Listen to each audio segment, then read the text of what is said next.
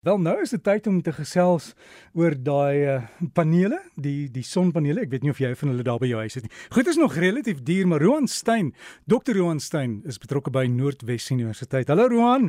Goeiemôre Derek. Ja, en goeiemôre daar uh, wat uh, aan jou wat ook vanoggend daar ingeskakel is. Um volgende kyk ons uh, na 'n geweldige uh, interessante ontwikkeling Derek soos wat jy nou genoem het in die in die kragopwekking wêreld in ons omgewing en dan uh, dis oor vleeling met die landboubedryf.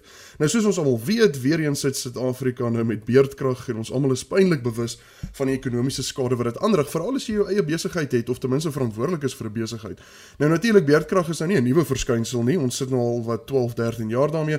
So baie besighede en huishoudings het al alternatiewe kragbronne bronne begin gebruik. En uh miskien 'n dekade terug was dit uh, was dit 'n kruk gewees uh, om miskien die water te toets, maar deesdae is dit ongelukkig noodsaaklik vir enige besigheid om te kan oor oorbly as dit beerdkrag krag is en baie huishoudings het of 'n volledige alternatiewe stelsel in plek en um, skop dalk dadelik in wanneer die hoofstroomkrag af is of ehm, 'n um, kleiner omkeerder met batterye om die nodige ligte aan te hou. Nou met die petrolprys wat um, die afgelope ruk die hoogte inskiet en dan 10 teen 1 Ag as gevolg van uh, wat uh, in die in die noordelike halfrond besig is om te gebeur, miskien gaan die petrolprys seker nog 10 teen 1 nog verder verhoog. Is die petrol aangedrewe kragopwekkers nie noodwendig nou die beste antwoord op alternatiewe kragbronne nie. Nou ons het in die verlede al oor sonpanele gepraat en Suid-Afrikaners, baie Suid-Afrikaners het al sonpanele opgesit om krag op te werk en dit maak tog sin Uh want ons is in sonnige Suid-Afrika en meeste van die tyd het die meeste van die land uh, heeltemal genoeg uh, son om vir ons krag op te wek. Nou wat wel wel interessant is Dirk is dat die landbousektor het nou uh sonkrag 2 maal beter gemaak deur die spasie wat die sonpanele op um, opneem vir twee doeleindes te gebruik. Um die die hele idee daar agter staan bekend as 'n uh, agrivoltaïese stelsel um, waar sonpanele opgerig word uh, oor 'n stuk land en die grond onder die sonpanele word gebruik om groente te groei. Nou daar is heelwat van hierdie agrivoltaïese stelsels opgerig, is, suksesvol opgerig in uh, Frankryk en in die FSA en Duitsland en dan uh, meer onlangs is uh, een suksesvol opgerig in Kenia net buitekant Nairobi. Nou uh, oor die algemeen is spasie nou nie eintlik 'n groot probleem in Afrika oral nie en daar is op sigself nou nie 'n dringende behoefte noodwendig om dieselfde stuk land vir altyd doeleindes te gebruik nie. Maar wat wel opgemerk is tydens hierdie projekte is dat die kwaliteit van die gewasse uh, wat gekweek word uh, onder die sonpanele beter is as die wat nie bedek word nie. En die sonpanele voors, uh, voors, uh, voorsien natuurlik nou die skadu uh, vir die gewasse om te groei um, en dit help dan nou om die vog in die grond te hou wat dan veroorsaak dat die gewasse uh, beter groei. Nou die sonpanele is nie reg teen mekaar gebou nie. Hulle word in uh, groepies van 3 bymekaar gesit en elke groepie sonpanele is seker so 2 meter uitmekaar uitgebou.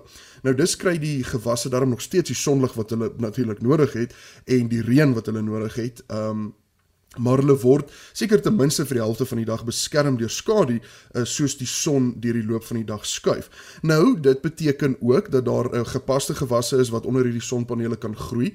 Um en dan is daar natuurlik ander gewasse wat nie sal pas by hierdie um, stelsel nie. Byvoorbeeld as ons kyk uh tydens een van die toetse uh, wat nou spesifiek onlangs in Kenia gedoen is, um 'n skool onder 180 sonpanele gegroei uh waarvan elke sonpaneel so ongeveer 305 uh, 345 watt opwek. Nou om seker te maak dat die kwaliteit van die kool kan vergelyk word, um is net soveel kool op 'n plot langs aan die sonpanele geplant en die kool wat onder die sonpanele gegroei is, um was oor die algemeen 'n derde groter en gesonder as die kool wat uh, op die ander plot geplant is met dieselfde hoeveelheid water en kunsmis. En 'n mens kan ook seker argumenteer dat selfs al was die kwaliteit dieselfde um, as die ander kool, is dit nog steeds nie moeite werd om so 'n stelsel te oorweeg. Nou ander gewasse is ook getoets onder die sonpanele, byvoorbeeld um, eiervrug en uh, blaarslaai um, het met basies dieselfde resultate opgelewer. Nou, die voordeel van hierdie tipe tegnologie is dat dieselfde stuk land word vir twee doeleindes gebruik. Wat beteken dat daar bly land oor wat dan nou nogmals baie beter gebruik kan word verder. Ehm um, die voordeel van die stelsel is dat uh dit is ook skaalbaar. Byvoorbeeld uh, die die eksperiment wat hulle nou uh omlangs gedoen het, um, is die sonpanele ongeveer 3 meter bo die grond gebou wat heeltemal hoog genoeg is vir die boer om behoorlik daar te loop en te kan werk tussen die plante. Maar die sonpanele hoef nie noodwendig net 3 meter bo die grond gebou te word nie. Die sonpanele kan uh van die begin af hoër gebou word sodat landboumasjinerie daar kan ry indien nodig. So in beginsel kan mens 'n uh, hele hektaar of 3 hektaar onder die sonpanele sit. En natuurlik moet 'n mens toegee dat die stelsel natuurlik nou nie oral sal werk nie. Plekke waar baie hal voorkom, byvoorbeeld sal dit nou nie baie goed werk. Die sonpanele gaan dalk die gewasse beskerm teen die haal, maar die sonpanele gaan kusgeslaan wees wat nie goed is vir besigheid nie. Uh maar daar waar dit wel kan werk, is hierdie tipe tegnologie broodnodig. Uh hierdie stelsel verbeter uh, water uh sekuriteit want jy gebruik nou natuurlik minder water of die water wat jy wel gebruik word beter aanges uh, uh gebruik natuurlik. Um en dan uh, uh voorsien dit beter voedselsekuriteit en daarmee saam maak dit die gemeenskap meer bestand teen uh, klimaatsverandering. En ons het net laasweek gesels oor die hittegolwe wat meer en meer word. Um en met hierdie stelsel beskerm jy jou gewasse teen die geweldige hitte die die dag en die vog hou langer in die grond uh en jy gebruik die sonlig om krag op te wek vir huishoudelike gebruik of ten minste vir die boerdery se gebruik self. En ehm um, volgens die studie sê hulle dat uh, uh die ultraviolet skade van die gewasse word ook aansienlik verminder um, as gevolg van die skadu. En dan laastens dis 'n baie skoon manier om krag op te wek. Die agrivoltaïese stelsels ehm um, is die handboek definisie of die betekenis van twee vleie met een klap. En uh, dit is wat ons in die volgende paar dekades gaan nodig kry deur ek ons moet slim eenvoudige planne beraam om ons omgewing te beskerm en die meeste te maak van die land wat ons het op die beste maniere moontlik. Uh daar word natuurlik altyd vereis dat ons uh, meer moet kan doen met minder hulpbronne en hierdie is 'n baie goeie voorbeeld uh, dat dit wel gedoen kan word. Hierdie stelsel bied kragsekuriteit soos ons genoem het wat ons almal nodig het, huishoudings en besighede. Dit bied skoon kragsekuriteit en dit bevoordeel die gewasse wat onder die sonpanele groei. Dit is werklik eintlik 'n 'n wen-wen situasie. Uh so so ten slotte Derek, sover my kennis strek, kon ek nie 'n agrivoltaïese stelsel opspoor in Suid-Afrika nie, maar ek kan amper nie myself indink dat dit nog nie hier probeer is nie. So ek wil graag vir ons luisteraars vra as jy so 'n stelsel het of weet van so 'n stelsel, stuur asseblief vir ons 'n e-pos um of sommer 'n boodskap hier daar op die Facebookblad uh dat ons dit met ons luisteraars kan deel en deel asseblief jou ervaring met ons.